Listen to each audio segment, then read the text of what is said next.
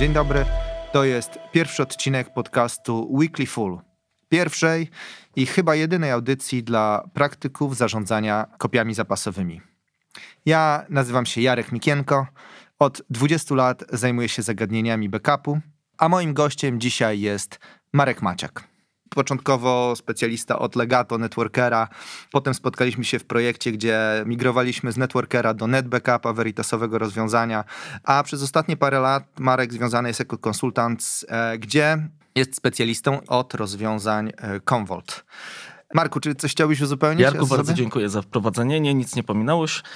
Tak, w branży IT pracuję ponad 20 lat, w tym e, w obszarze związanym ściśle z backupem. Brałem i wciąż biorę udział w wielu zarówno większych, jak i mniejszych e, projektach, w których wdrażane były m.in. właśnie systemy backupowe. I w Integrated Solutions e, rzeczywiście jestem osobą dedykowaną do rozwiązania pod tytułem Commvault. W sensie specjalista od Convolta, jasna sprawa. Trzy tematy dzisiaj i zaczniemy od tego pierwszego, ponieważ spotykamy się tutaj trochę historycznie też. Znamy się bardzo długo i, kiedyś jak zaczynaliśmy naszą pracę w czasach, kiedy NetBackup nazywał się Backup Plus, a e, Networker to było Legato, prawda? I każde pokolenie ma taki punkt, gdzie wie, e, w którym miejscu się w danym momencie znajdował. pokolenie moich rodziców to jest lądowanie na Księżycu. Każdy wie, gdzie w danym momencie był, kiedy człowiek wylądował na Księżycu. Dla mojego pokolenia, no to jest atak na World Trade Center niestety. I ja pamiętam dokładnie dzisiaj... Czy tak, bo byliśmy w trakcie, w trakcie dużego projektu i, że tak powiem, obserwując w telewizji to, co się dzieje, nie wierzyliśmy, tak się zastanawialiśmy, czy, czy to, to jakieś... prawda, czy to żart. Tak, czy kręcą film, czy no to i... są jakieś występy kaskaderskie. I właśnie, i o tym chciałem powiedzieć, że ja byłem w momencie, kiedy to się wydarzyło w serwerowni telekomunikacji polskiej w Warszawie, w takim starym wieżowcu, już jednym z pierwszych. I tam inżynierowie IBM-a naprawiali bibliotekę taśmową. Pamiętam, jak dzisiaj zadzwoniła do mnie moja żona i powiedziała mi, że był atak na World Trade Center. I ja to pamiętam, przekazałem tym inżynierom.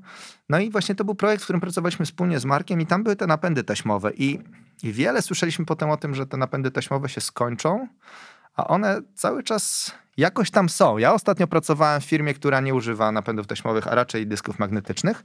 No ale Marek, ty wdrażasz rozwiązania, no i powiedz mi, jak ty to widzisz? Czy te napędy są dalej z nami, czy nie?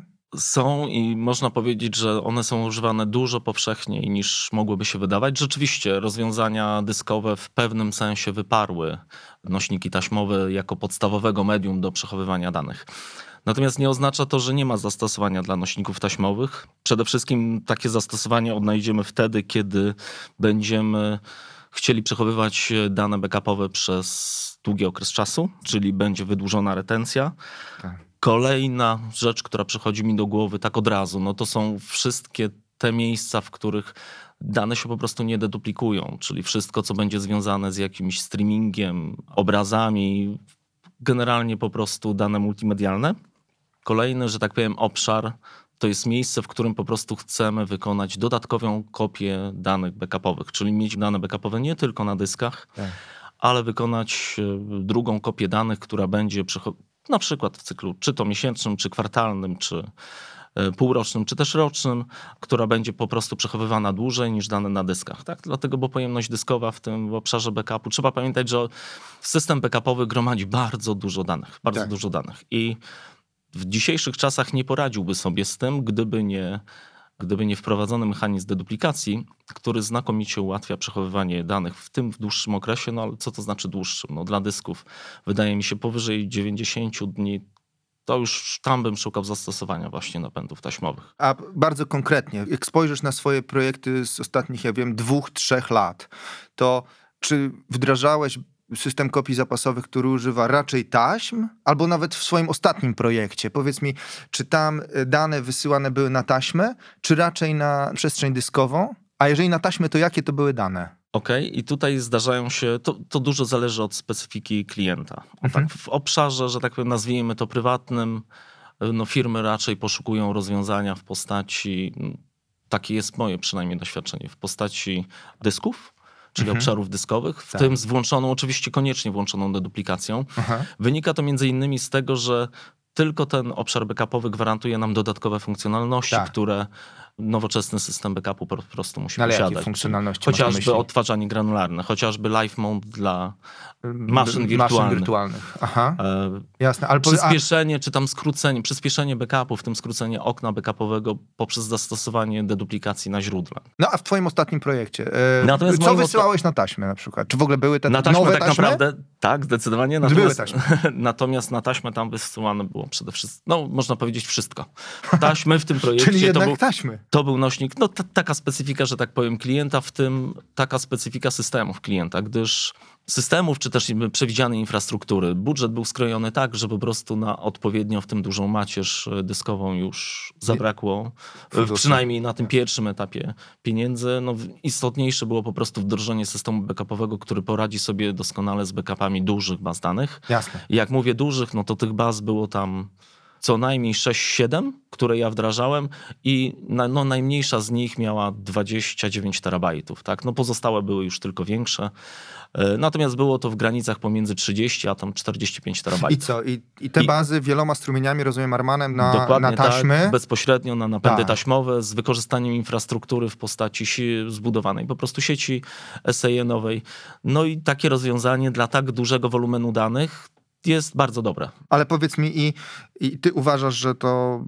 Znaczy, bo powiedziałeś, że fundusze były ograniczeniem dla tych No macierzy. tak się domyślam. A, ale uważasz ty jako inżynier, myślisz, że miałoby jakąś zaletę, żeby tą bazę ogromną orakową wysyłać na dyski? Zdecydowanie ja nawet rozmawiałem z klientem, namawiałem, namawiam go na rozbudowę tego Jasne. systemu. Pokazywaliśmy, pokazywałem w zasadzie funkcjonalności związane z deduplikacją i tego, co możemy, że tak powiem, osiągnąć. Tak. No i po prostu zauważalne było to, no dobrze, pierwszy backup na te dyski wychodził czasowo podobnie do tego, co Pewnie do, do czasu. tak? No nie, nie? no ale Krócej. to... Ale rzeczywiście... 15 przy- godzin. Tak, 12 12 godzin. godzin. Załóżmy Mhm. 12 godzin, bo to wszystko zależy od liczby strumieni, którą możemy wygenerować Jasne. ponieważ tutaj też klient dawał ograniczenia, związane to było z tym, żeby nie przeciążyć tych systemów. tak, Mhm. Po prostu. Czy one oprócz tego, że mają być backupowane, no służą po prostu, no mają inne zadanie, tak? No są to systemy produkcyjne i potrzebują po prostu pracować. Jasne. E, Natomiast no, No mówisz, taką podstawową długo, zaletą tak? dla mnie. po- No, tak. Pierwszy, no to jak w No, przypadku jasne. taśm, tak i w przypadku dysków, no to, no to on się troszeczkę wykonuje, Tak. tak. No trzeba te dane wszystkie podnieść z dysków, odczytać, z, Ale e, potem? wysłać. Tak? Natomiast i tak będzie w przypadku taśm, będzie za każdym razem. Owszem, można zastosować technologię changeblock trackingu, Aha. natomiast wtedy odtwarzanie z tych y, napędów taśmowych zaczyna być kłopotliwe, Oczywiście. dlatego, bo trzeba przelecieć się i poskładać z różnych, że tak powiem, Oczywiście. backupów. Natomiast dyski dają nam tą możliwość, że wszelkie mechanizmy, które będą nam służyły przyspieszeniu wykonywania backupów, w tym właśnie skrócenia okien backupowych, czyli Jasne. zastosowanie deduplikacji na źródle, wykorzystanie changeblock trackingu, nie będzie nam wpływało później na możliwość szybkiego odtwarzania bazy danych. A, a czas backupu będzie dokładnie, krótszy, czyli czas okno backup- backupowe Tylko ten pierwszy backup krótsze. będzie tam 12-godzinny, ale wszystkie Aha. kolejne grubo poniżej godziny. A odtworzenie w obu wypadkach, no trzeba wiedzieć, że przy, od- jakby mieć na uwadze to, że przy odtwarzaniu po prostu musimy te wszystkie dane odzyskać, tak? I tutaj nie ma jak za bardzo tego przyspieszyć, no chyba, że odtwarzamy poszczególne elementy takiej bazy danych, systemu czy Jasne. systemu. To wtedy rzeczywiście, no to ilości danych nie będą jakby zbyt duże. Natomiast w przypadku, w którym odtwarzamy cały system, no to niestety wszystkie te 40 terabajtów czy 45 trzeba po prostu od tego systemu, z tego systemu backupowego e, zassać. Szukam jakiegoś innego słowa. Nie, no, nie... tak chyba mówimy, więc tutaj i- nie będziemy się... I, To jest Weekly Full to podcast dla praktyków, prowadzony przez praktyków, więc mówimy tak, jak mówimy na co dzień. No, może staramy się troszkę, troszkę spokojniej.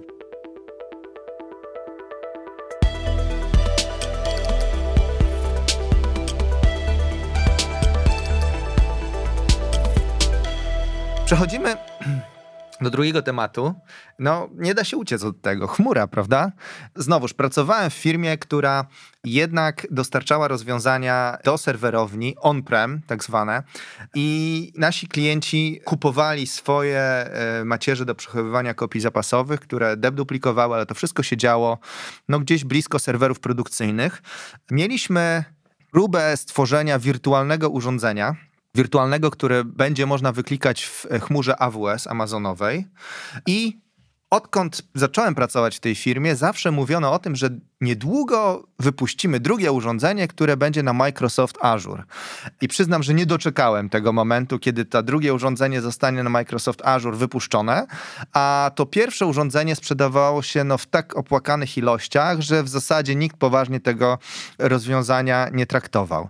I pytanie do ciebie, czy ty brałeś udział we wdrożeniach, gdzie rzeczywiście, realnie wysyłałeś te kopie zapasowe do chmury, jakiejkolwiek, już nie musi być nawet ta okay. chmura AWS czy Azure. Ja osobiście nie, ale moi koledzy z mojego teamu w firmie Integrated tak. Wykorzystywali i wykorzystują. Rzeczywiście to nie są jakieś. Znaczy, ilość tych projektów nie powala, w tym sensie nie mhm. ma ich jeszcze tak dużo. Natomiast no to jest obszar jakby nie do pominięcia. Jasna tak, sprawa. na pewno będzie robione. Można wykorzystać chmurę do na wiele różnych sposobów. Na pewno takim dobrym, bardzo dobrym zastosowaniem będzie po prostu backup do chmury tego, co w chmurze się znajduje. Ale, ale, ale to zanim do tego przejdziemy. Nie, to, znaczy, to jeżeli ktoś już korzysta z chmury, no to po prostu wtedy w jakiś tam sposób ograniczył swoje zasoby on-premisowe z różnych powodów, prawdopodobnie to skalkulował i wtedy rzeczywiście takie rozwiązania dedykowane i są Jasne. tym na rynku, no będą miały zastosowanie. Dobra, to słyszę i że znasz kogoś, kto gdzieś tam do chmury no, no, bezpośrednio, wysyłał. bezpośrednio Sam tego nie zrobisz, tak. ja też nie, ja też nie, chociaż e, przecież zajmuję się tymi kopiami zapasowymi, ale inaczej zadam pytanie, bo dużo z kolei mówimy o tym, że jak ktoś ma zasoby w chmurze, to, że warto sobie zrobić na przykład z tej skrzynki pocztowe Office 365, żeby sobie zrobić kopię zapasową do, do swojej serwerowni, do siebie, żeby je mieć w takim czymś brałeś udział? Ja, ja będę tutaj starał się wyciągnąć od ciebie, co rzeczywiście się realizuje, nie to, o czym brałem rozmawiamy udział, w trakcie marketingu. Ja brałem udział, biorę udział, tak. proponujemy to klientom, dlatego, bo nie zawsze klientowi opłaca się budować środowisko właśnie, chociażby dla dla poczty, ale to nie chodzi tylko o pocztę, no całego szeregu, Jasne. że tak powiem, rozwiązań, pewnych systemów i wtedy moim zdaniem warto jest chociażby właśnie dla bezpieczeństwa, dla jakby przyszłości, w tym sensie, że możliwości wyjścia z tej chmury, jeżeli z jakiegoś powodu by nam to nie odpowiadało, no móc wyciągać te dane do siebie. No ale udało Czyli... się produkcyjnie rzeczywiście zrobić takie środowisko, gdzie kopie zapasowe Office 365, czy to były takie próby na znaczy, ja osobiście, ja osobiście to bardziej to było POC, pokazywanie Proof of concept, jasne. możliwości. No mamy taki projekt, który jeszcze się nie zrealizował Rozumiem. i tam będzie tak robione. To już możemy sobie o tym rozmawiać, tak? To konwoj znaczy, był w rozumiem, W moim tak? wypadku, tak jak rozmawialiśmy na początku, ja jestem dedykowanym, jakby Ty, dedykowaną osobą do konwolta, więc w moim wypadku są to są, tak, to są historie ale, konwoltowe. No właśnie, ale Natomiast konwolt mi... nie jest jedynym, że tak powiem, rozwiązaniem w tym sensie, które potrafiłby coś takiego zrobić, a poza tym konwolt ma jeszcze jeden osobny produkt. O, to chciałem zapytać właśnie. I on będzie dedykowanym e, rozwiązaniem do, w tym backupowania właśnie zasobów chmurowych. Metalik to jest taki przykład, gdzie dotychczasowi dostawcy oprogramowania do backupu przejmują inne firmy, które jakoś tam mają bogatszą no, funkcjonalność, jest... jeśli chodzi o robienie kopii zapasowych tych, tych danych w chmurze. Chciałem ci zapytać, żebyś mi powiedział, ten backup, który wykonałeś jako proof mhm. of concept, to nie wykorzystywał Metalika, rozumiem? Nie, nie, to nie, było to po prostu tak. funkcjonalność Convolta, gdzie to, kopie zapasowe z danych produkcyjnych smury były zapisywane lokalnie w serwerze. Konkretnie, no bo to różnie się zdarza. W tym wypadku, no bo jak mówimy o Office 365, to równie dobrze może być SharePoint. Natomiast w tym wypadku rzeczywiście na przykład SharePoint. Natomiast w tym wypadku były to skrzynki pocztowe. I to się i, udało, to, to, to zadziałało. Udało, tak. to, ten proof of concept był udany. To, to nie tak, był... no to jest na tyle jakby dobre, sprawdzone nie gorące rozwiązanie, gorące w tym sensie, że jedyną rzecz, na którą należy po prostu zwrócić uwagę, to po prostu odpowiednio wyskalować rozwiązanie. W tym sensie, że do backupu tego Office 365 wykorzystywane są po prostu dodatkowe konta, serwisowe konta, które Jasne. służą do wydobywania danych. No to i jest... trzeba po prostu tą liczbę kont dopasować do liczby użytkowników. To jest koszt, Jakby... czy to jest raczej komplikacja? Koszt też jest, ale to jest niewielki. To bardziej chodzi o to, że administracyjnie po prostu trzeba zrobić dedykowane konto, jedno, mhm. drugie, trzecie, czwarte, no tyle, ile wyjdzie nam z sizingu. Jasne. Być może to będzie 15 Jasne. kont, żeby móc pociągnąć ten backup kilkoma strumieniami. Dokładnie tyloma strumieniami, ile będzie tych kont.